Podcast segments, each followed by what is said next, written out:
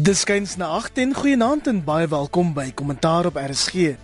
Dis Sondag aand en elke week hierdie tyd kookus ons oor die vernaamste nuusgebeure van die week. Ons begin vanaand by die westerse dreigemente van militêre optrede teen Sirië na die gebruik van chemiese wapens. Ons sit koppe bymekaar oor Gauteng se nuwe polisiekommissaris wie se aanstelling toe net 'n paar ure gehou het.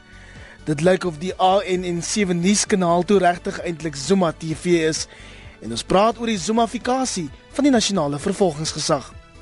My naam is Iver Price en die paneel rapport se redakteur Waldemar Pelser. Goeienaand Iver. En telefonies twee van die land se voorste politieke ontleeders, professor Dirk Coetzee, 'n politieke ontleder verbonde aan die Universiteit van Suid-Afrika, Nandirk. Goeienaand Iver. En professor Andre Dievenage van die Noordwes Universiteit. Goeienaand Iver.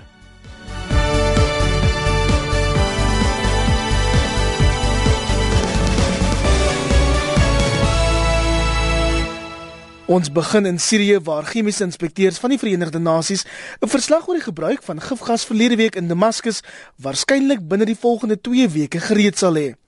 En Waldemar president Barack Obama van Amerika het toe nie gister 'n aanval teen Sirië aangekondig nie. Alhoewel die groot verrassing Saterdag aand en Saterdagmiddag Amerikaanse tyd was president Barack Obama van Amerika se aankondiging dat hy nie dadelik gaan optree teen Sirië nie, alhoewel hy glo hy mag. Hy gaan eers doen wat sy Britse amptgenoot die week gedoen het en dit is om die Amerikaanse laerhuis die kongres te vra vir 'n debat en 'n stemmery oor militêre ingryping in Sirië. Die verwagting was eerder om dat Obama sal aankondig dat aanvalle gister reeds begin, uh, net die oomblik toe die inspekteurs waarvan jy nou net gepraat het, uh, Sirië verlaat het en in Beirut in Lebanon aangekom het. Maar donderdag se stemming in die in die Britse laerhuis waar David Cameron vir sy parlement gevra het om militêre aksie in Sirië te steun, natuurlik om president Bashar al-Assad te straf vir sy verantwoordelikheid in 21 Augustus se chemiese aanval.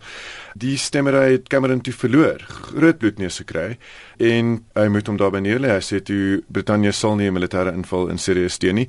En Obama het toe net besef klaar blyklik dat hy kan nie net met die steun van Frankryk wat wel ingryping steun en teen die baie eksplisiete wense van Rusland en China en Iran onder meer voortgaan met aksies sonder om die Amerikaanse mense eers te vra nie. So hier is 'n groot dobbelspel want as hulle terugkom van hulle vakansie af op 9 September die kongres inderdaad hier teenstem, kan dit vir hom polities baie duur of onmoontlik maak om voort te gaan met sy planne die oorlogskepe lê gereed. Maar dit is 'n moeilike situasie want mense het basies twee keuses of militêre optrede of jy staan en toe kyk hoe duisende mense sterf en ons weet die dodetal in Sirië sal hier meer as 100 000. Wat maak mens? Ek dink dit is 'n groot dilemma vir die Obama regering. In sy eerste 4 jaar was sy beleid baie om terug te staan en nie so veral militêr betrokke te raak by krisissituasies insluitende Sirië nie. En ek dink tot 'n mate het hy nog steeds daardie benadering, maar as gevolg van die huidige situasie en ek dink die groot probleem vir Obama is dat hy 'n sogenaamde rooi lyn getrek het en een van die rooi lyne was hy het gesê dat Amerika is verplig om betrokke te raak as daar chemiese wapens gebruik word. Nou in 'n sekere sin is hy nou word hy nou gekonfronteer met sy eie beloftes en ek dink die groot probleem vir hom is is dat hy nie so seker oor na die Amerika se betrokkeheid beide in Irak en Afghanistan of hy nog openbare steun daarvoor gaan kry nie. En dit was waarskynlik die rede hoekom hy nou uh, besluit het om na die kongres toe te gaan. Maar dit is vir Amerika op sigself is dit hoogs problematies. Ek dink mense moet ook in ag neem dat die Palestynse-Israeliese onderhandelinge nog steeds aan die gang is en in terme van prioriteite is dit vir hulle belangriker as die Siriëse situasie. Hoewel Sirië is baie nou gekoppel aan die situasie in Israel omdat Sirië se buurstaat van Israel en terselfdertyd het Libanon en spesifiek die Hezbollah in Libanon het nou betrokke geraak in Sirië ook en dit beteken dat dit eintlik 'n streekskonflik begin word het. As gevolg daarvan dink ek dat die Amerikaners se gevoel wel as hulle steeds wil prominent wees in die Midde-Ooste moet hulle iets doen. Terselfdertyd moet dit die openbare ondersteuning in Amerika hê. Dit is die groot dilemma van uh, president Obama op die oomblik. Ek dink dit is geldige argumente. Barack Obama is 'n bietjie in 'n moeilikheid want hy het 'n beeld in die FSA dat hy nie sterk genoeg besluite neem nie. En hier was nou 'n geleentheid om 'n sterk besluit te neem om sy beeld te konsolideer na binne toe en dit is nou gestop deur 'n klomp ander prosesse in die internasionale omgewing waarvan jou demokratiese prosesse in Brittanje veral belangrik was. Maar ek dink die uitkoms hiervan is dalk beter. Ons moet sê dat daar ook op die oomblik 'n vergadering van die Arabiese Liga aan die gang is waar die ministers van buitelandse sake tans gesprek voer oor die Libiese kwessie en ek dink die boodskap wat mens hieruit kry is dat jy nie net meer kan handel nie, maar dat jy legitieme besluite moet neem in jou politieke omgewing. En natuurlik het dit nou weer die geleentheid vir die Russe geopen om hulle te skaar aan die kant van Sirië. Maar ek wil net sê dat op hierdie stadium is my bekommernis nie net die Siriëse konflik nie, maar die verdere kragte wat dit in die Midde-Ooste sou kon loslaat. Mens dink hier aan die hele Israeliese problematiek, jy dink aan die verhouding tussen Israel en Iran, jy dink aan 'n onstabiele Irak, Afghanistan. So in daai sin is dit baie kompleks en baie dinamies en ek dink die FSA moet baie deeglik besluit oor wat hulle waar en hoe gaan doen. Waldemar, dit lyk of jy um, saamstem. Alweer ja, absoluut. Dis 'n uh, verskriklike netelige posisie waarin Obama hom bevind. Ons moet onthou en soos hy gister gesê het, hy is gedeeltelik verkies op 'n mandaat om oorlog te beëindig, nie om oorlog te begin nie.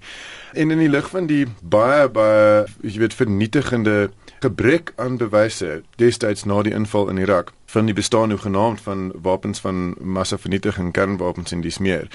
In die lig van die leuns uh, wat in die Amerikaanse politiek uh, vertel is en gesluk is deur die Amerikaanse media in Brittanje net dieselfde 10 jaar gelede is die bewyslas nou hoër.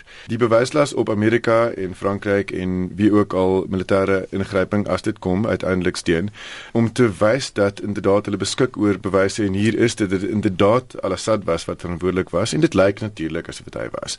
En maar daai bewyslas is baie baie hoog en dit is belangrik soos die New York Times ook die week in 'n in 'n hoofartikel gesê het dat daardie druk volgehou word en dat 'n besluit om oor te gaan na oorlog selfs al het gruwdade soos op 21 Augustus dit vooraf gegaan is 'n baie gewigtige een. Dirk in die lig van wat Waldemar nou sê, die westerse media is geneig om Rusland se president Vladimir Putin af te lag, maar dalk het hy 'n punt beet wanneer hy sê liewer die bewyse dat daar wel chemiese wapens gebruik is.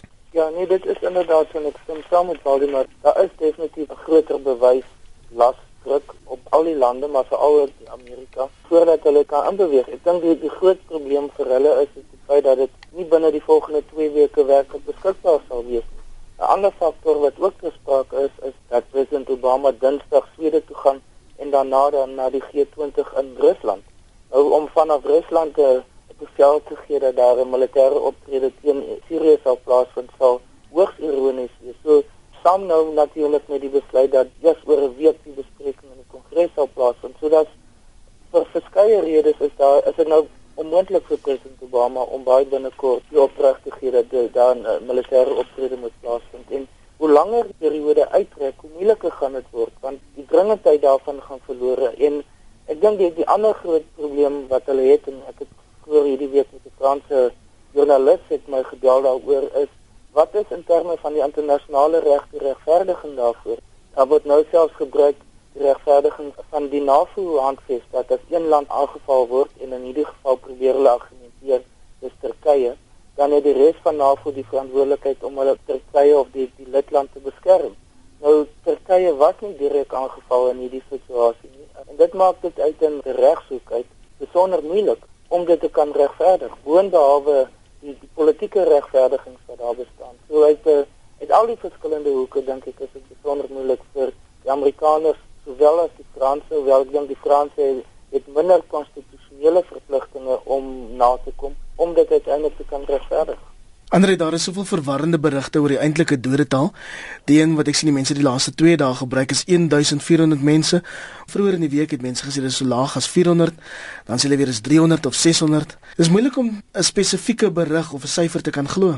Iwer ja inderdaad, dit is maar altyd so in oorlogssituasies, daar's verwarrende berigte en dit gaan ook oor propaganda ten einde die saak sterker te stel of dan swakker te stel.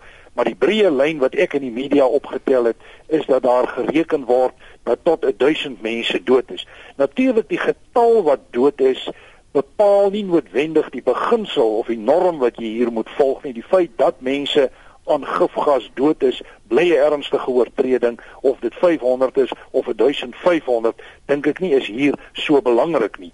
Die feit is, hoe gaan hierdie groot moondhede reageer? En my bekommernis is die suigkrag wat hierdie Siriëse konflik het ten einde groot moondhede in te trek. En hier sien ons aan die een kant natuurlik vir Rusland en China wat nader staan aan Assad en dan sien ons die rebelle wat ondersteun word deur die weste en ek verstaan dat vanuit uh, uh, sekere media bronne is die aanduidings daar dat as die Amerikaanse aanval dan nou wel sal voortgaan en sal plaasvind dit gekoördineer sal word met 'n bepaalde rebelle offensief so hier is geweldig beplanning wat in die pyplyne is dis 'n moeilike saak en dan natuurlik ook die Israeliese dimensie wat hier aangekoppel word. So ek moet eerlik sê, ek is baie bekommerd oor dit wat in die Midde-Ooste homself kan uitspeel. Waldemar Dirk Net vinnig, Iver, die groot gevaar hier natuurlik en dis uitgewys deur baie kritisie van 'n uh, moontlike ingryping en ook kritisie van moontlike steun wat Amerika al maande gelede beloof het vir die rebelle is dat wie sou dit dan nou wees wat by Bashar al-Assad sal oorneem in Sirië? Daar is nie 'n 'n skadu regering of 'n rebelle regering wat hoegenaamd koherent is of wat hoegenaamd die steun van die internasionale gemeenskap verdien nie. Frankryk het redelik vroeg al die Vrye Siriëse leer erken as regering. Maar bietjie soos in die geval van Libië ruk gelede, is daar nie eintlik hier enigiemand met heeltemal skoon hande nie. Dit is wel so natuurlik dat president Assad het die oormag, jy weet hy het toegang tot die tot 'n baie baie kragtige weermag en lugmag en dis meer en natuurlik tot chemiese wapens. En uh, sy teenstanders is nie heeltemal so gedig nie, maar in in die in die geleedere van sy teenstanders vind mens ook jihadiste vir wie Amerika en die weste baie baie bang is. Ehm um, dis glad nie duidelik dat uh, met ander woorde dat die dat die substituut vir Assad, uh, jy weet noodwendig baie beter as hy sal wees nie. Wat dit verder kompliseer. Stem jy saam Dirk? Ja, ek dink so. Ek dink wat mense ook moet in ag neem is dat streng gesproke kan jy Sirië eintlik nou in drie streke indeel. Die noordelike gedeelte wat hoofsaaklik deur die Koerde beheer word en waar Assad glad nie betrokke is nie. Hy het heeltemal onttrek uit die noorde vir die dreigement oor die verhouding tussen Sirië en Turkye word gedomeineer deur die Koerdiese situasie dan die sentrale gedeelte waar die rebelle baie sterk is en dan die suidelike gedeelte wat Damascus insluit waar die regering nog baie prominent is. En hoe om dit uiteindelik weer na die tyd as die die konflik verby is te konsolideer, dink ek gaan een van die groot probleme wees. En in daardie sin is daar parallel met Irak waar daar ook in die noorde wat nou 'n autonome gebied vir die Koerde is, sal waarskynlik iets soortgelyks ontwikkel in in Sirië. Um, en dit trek Turkye outomaties in die situasie en as gevolg van die Koerdiese situasie of die Koerdiese vraagstuk. Dit gaan hoogs hoogs problematies wees omdat die Koerde wel 'n hoë mate van autonomie het. En dan as die Assad regering verslaan is, wat gaan word van die Alawis wat op hierdie oomblik 'n klein groepering binne Sirië is? Hulle is omtrent 15 tussen 12 en 15%, maar hulle is die regerende elite. Dit is amper soos die Sunnis in in in Irak onder Saddam Hussein. En hoe gaan as hulle die mag verloor het, hoe gaan hulle aangetrek word in 'n nuwe bedeling in Sirië of 'n nuwe soort van staatskonsep en nasiekonsep wat nie gaan lei tot dieselfde mate van reaksie of guerrilla oorlogvoering of ondermyning wat ons op die oomblik nog steeds in Irak sien nie. Terselfdertyd dan die verhouding soos ek gesê het met met die Koerde. So dit is feit dat Assad besig is om sy mag te verloor in Sirië is het in groot mate die feit dat die samebindende faktor al, al klink dit baie ironies binne Sirië is besig om verlore te gaan en ek dink dit gaan dan die ander groeperings intrek onder andere die die opkomende Sunni blok van die Midde-Ooste wat gelei word deur Saudi-Arabië, Qatar en Turkye en wat nou Egipte verloor het as 'n ander belangrike bondgenoot. So daardie groepering is opgestel Tunesië wat hoofsaaklik Iran is, maar ook 'n gedeelte van Sirië en dan Jemen natuurlik. Dit is die die belangrike dreigement wat daar of bedreiging wat daar in die Midde-Ooste in die toekoms gaan wees is. Hoe gaan hierdie nuwe groeperings geakkommodeer kan word en dat daar 'n mate van stabiliteit in die Midde-Ooste gaan wees? Groot verwagtinge dis in die volgende 2 weke. Terug op eie bodem gons dit oor die aanstelling van luitenant-generaal Mondli Zuma as die nuwe polisiekommissaris in Gauteng. En dis natuurlik deur die nasionale polisiekommissaris Riape Jege teruggetrek binne etlike ure nadat sy aanstelling bekend gemaak is. Waldemar, ek het nog nooit so iets gesien nie. Iver ja, so Drie provinsiale polisiekommissarisse is gister aangestel.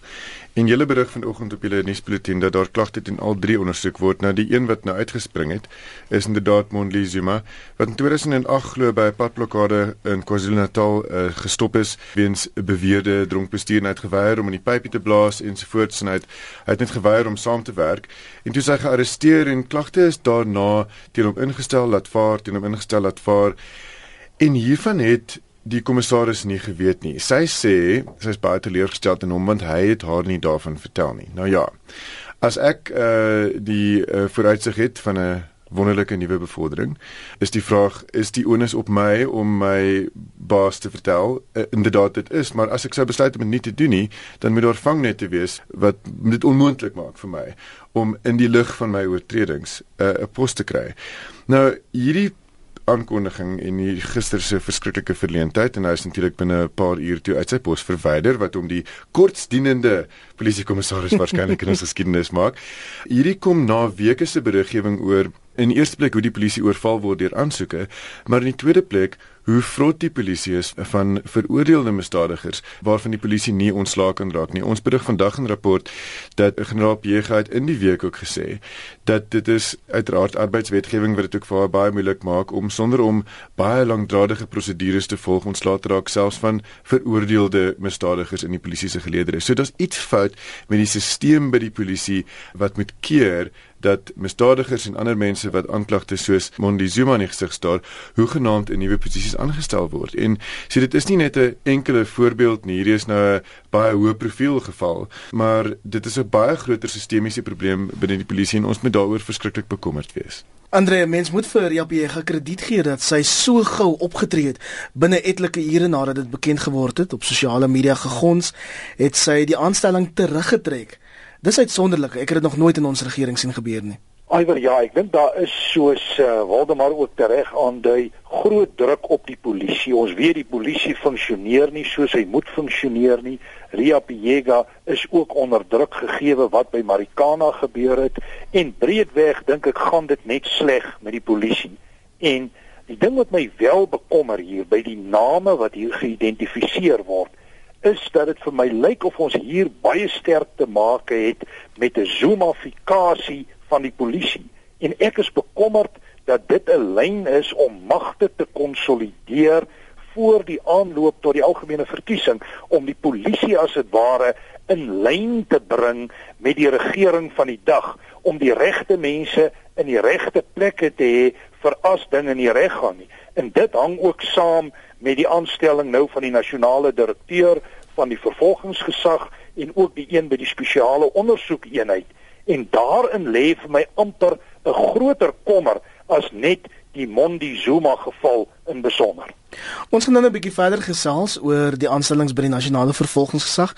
Dirk, ek dink Andre verwys natuurlik as hy nou praat van die Zumafikasie, die deel maak die bewering dat hierdie aanstelling van Gauteng se kortsdienste polisiekommissaris op 'n hoër vlak waarskynlik van president Jacob Zuma self gekom het.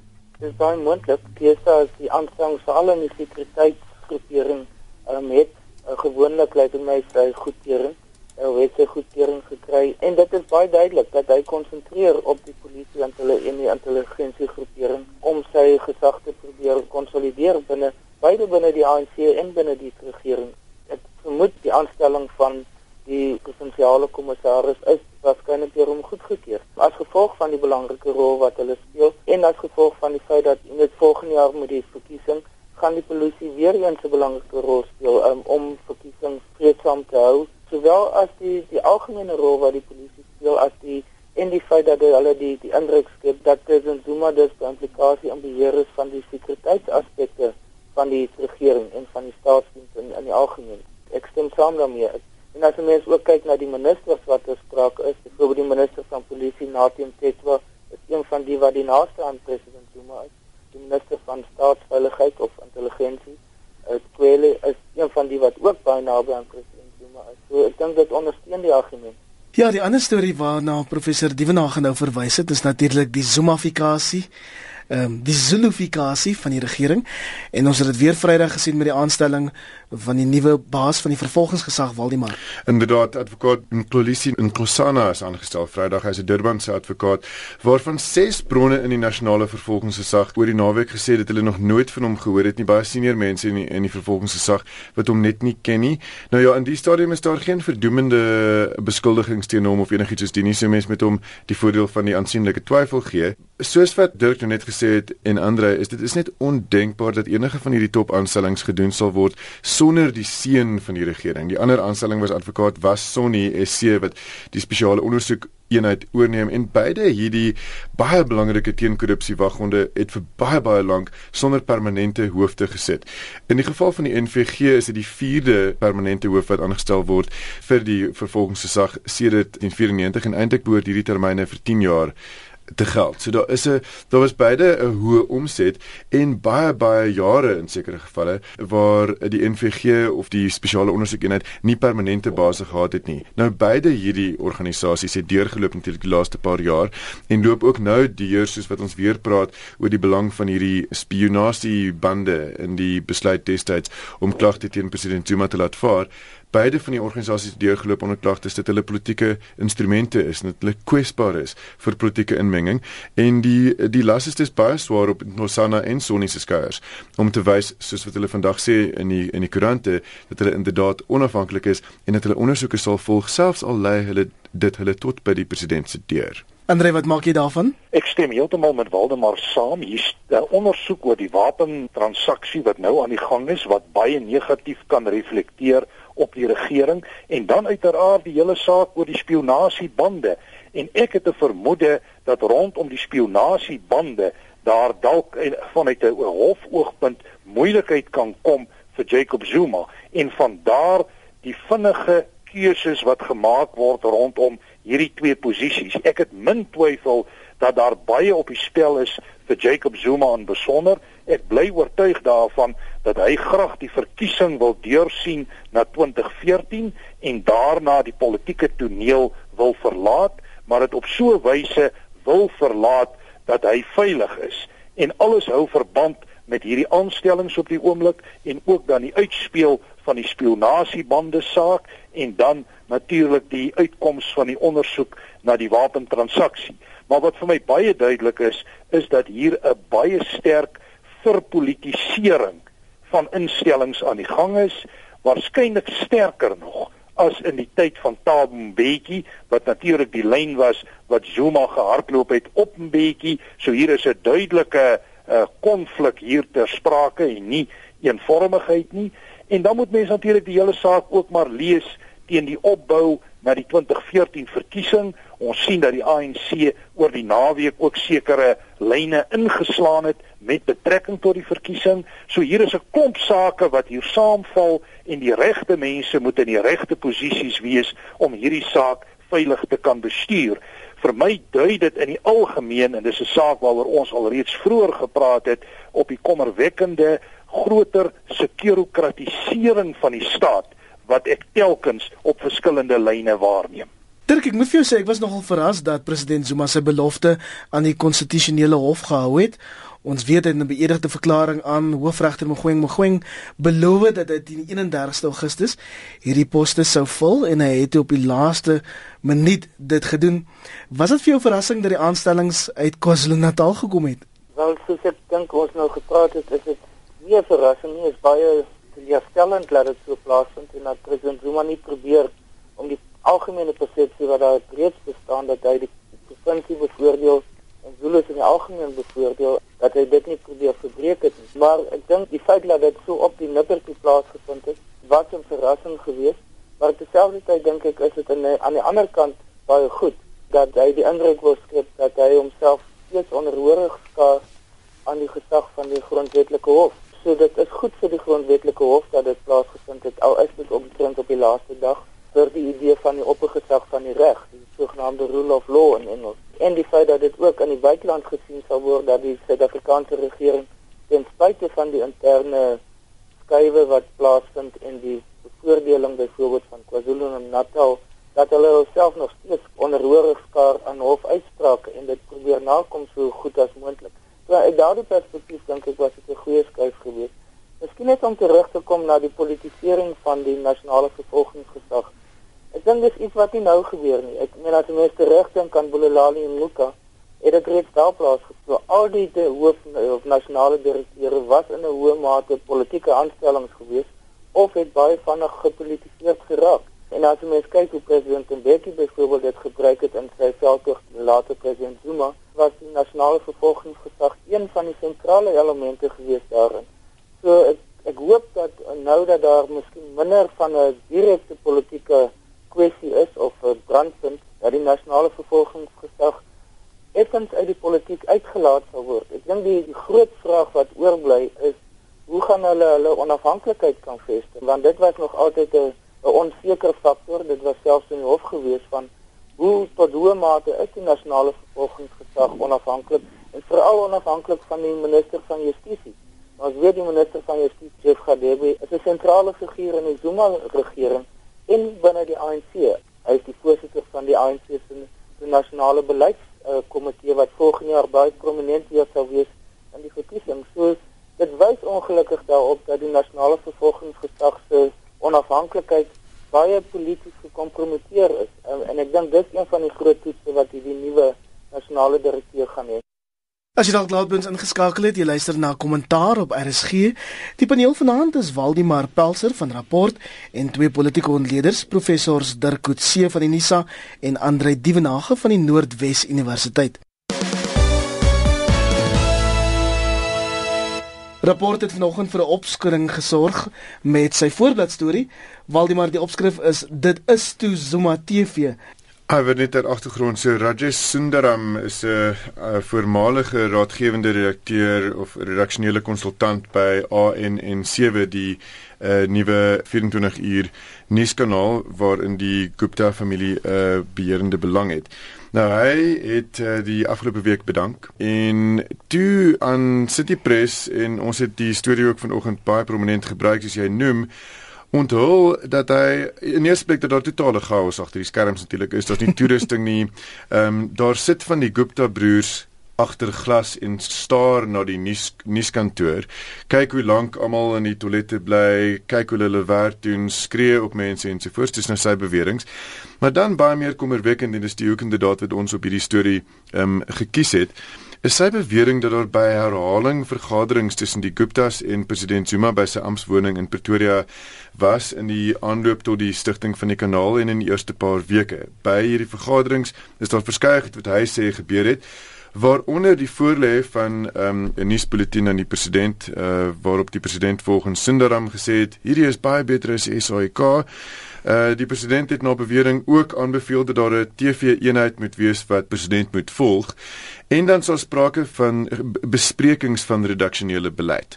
Nou daar's redes hoekom hierdie rede tot kommer is. Ons is al lank, jy weet, in die land eintlik vir, jy weet, sedert daar openbare uitsaaiers in hierdie land bestaan. Vernaam uiteraard die SAIK, ons het gesprekke die laaste 30 jaar oor politieke invloed op uitsaai, 'n verskriklike belangrike kwessie. En nou hier is ons ehm um, het ons te maak met 'n nuwe private uh, eh, TV-kanaal wat bedryf word deur 'n familie uh, wat baie moeite gedoen het die laaste paar maande om afstand te toon tussen hulle en die president nadat hulle straler toegelaat is om op 30 April by die Waterkloof lugmagbasis te land en die president gesê het hy daarmee niks te doen nie. En nou blyk dit net dat die president se rol hierin na bewering weet baie intiem is. Nie dat hy beheer uitoefen nie, maar dat hierdie absoluut 'n uh, 'n uh, voertuig is um, vir ANC propaganda en dat daar gesprekke was in die laaste paar weke uh, en beloftes gemaak is oor hoeveel aandag aan die ANC se verkiesingsveld tog gegee sal word in die aanloop tot volgende jaar se verkiesing. Andre president Zuma ontken natuurlik dat hy enigiets hiermee uit te waai het, maar die bewering is dat die Guptas die president beloof het dat hierdie kanaal pro ANC sou wees. Alhoewel ek dink ons moet 'n paar lyne trek met die verhaal. Die eerste is die breë beginsel van media en persvryheid wat ek dink 'n baie goeie ding is en wat ons werklik moet beskerm en moet in stand hou in die land.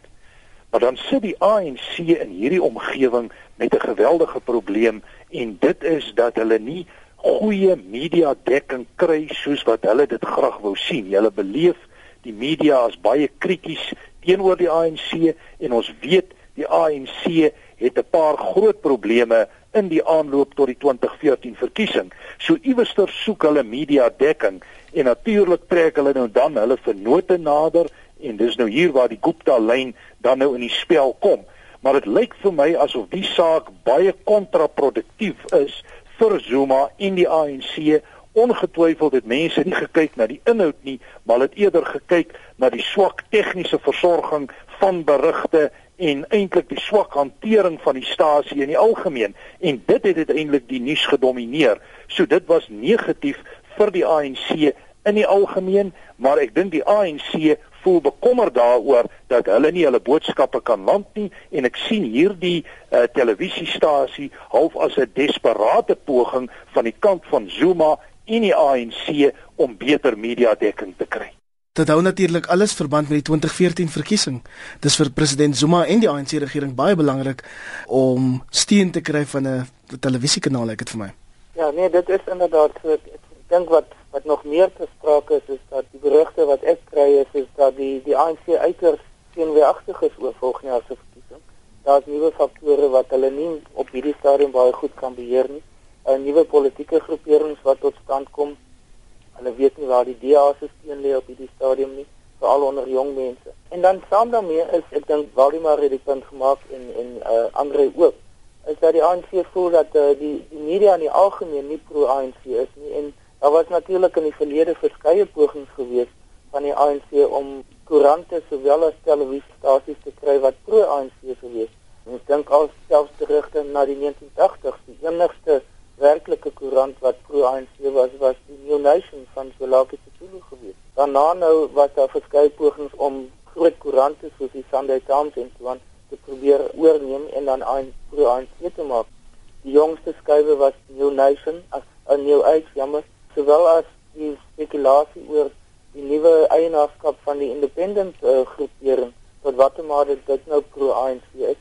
En terselfdertyd dink ek as jy nou op die televisie en is daar 'n mate van kompetisie oor die die 24 uur nuusdiens tussen ETV SAK nou in die in die goeie. En ek dink dit is vir die uit die ANC se perspektief en daar was 'n spesifieke ANC verklaring geweest, nie van die regering nie, maar van die van die ANC af wat gesê het wel nou het ons hopelik 'n televisiekanaal wat die werklikheid aan die publiek sal voorstel. So dit is duidelik dat die ANC voel hulle self vervreem van die media in 'n groot mate en dat hulle probeer oor 'n baie lang periode om 'n 'n meer vriendelike media vir die ANC tot stand te bring. Maar dit is besonder moeilik en ek dink hulle gaan weer eens waarskynlik misluk om dit regtig te kan regkry om 'n geloofwaardige media punt te kan hê wat hulle boodskap kan uitdra. Ja, die ander kant van die munt natuurlik is dis eintlik Waldemar 'n baie opwindende tyd vir Suid-Afrikaanse verbruikers. Ewe skielik baie meer opsies, dis goed vir die journalistiek. Maar dit is beslis lekker om kompetisie te hê en daar's heerlike gesprekke gewees die laaste paar weke oor wat op AN en 7 aangaan. Of mens enigiets wat op daai kanaal gebeur as journalistiek kan beskryf is nie vir my duidelik nie. Ehm um, jy weet dit is dit is in regtig regtig in meeste gevalle modelle wat daar werk. Ehm um, hulle weet regtig nie waarvan hulle praat nie, maar dis hier dis baie verfrissend om hierdie gesprekke te hê. Natuurlik, hoe meer spelers en hoe meer stemme in beginsel hoe beter. Ja, maar wat nog beter is is baie stemme. Is baie ingeligte stemme. En stemme wat 'n uh, wat die gehalte van die debatvoering in ons land lig. Uh, want dis regtig 'n probleem. Jy weet, eintlik wil mense hê 'n uitstekende ENCA, uitstekende SAK 24 uur kanaal, 'n uitstekende ANN7 wat almal verskillende perspektiewe goed geartikuleer op die tafel sit wat mense regtig inlig en en stimuleer. Ons is nog nie heeltemal daar nie, maar jy weet, die die hoop beskaam nie. Dit bring ons ongelukkig tot by die einde van vanaand se kommentaar. Ja, dis al seker tyd. Die gaste vanaand is Waldimar Pelser, die redakteur van Rapport Baie dankie Waldemar. Dit was heerlik, baie dankie Awer. En dan twee politieke ontleeders, Dirk Coetzee daar by Unisa professor. Baie dankie Awer. En professor Andre Dievenage van die Noordwes Universiteit. Baie dankie Awer. My naam is Awer Price. Lekker aand verder.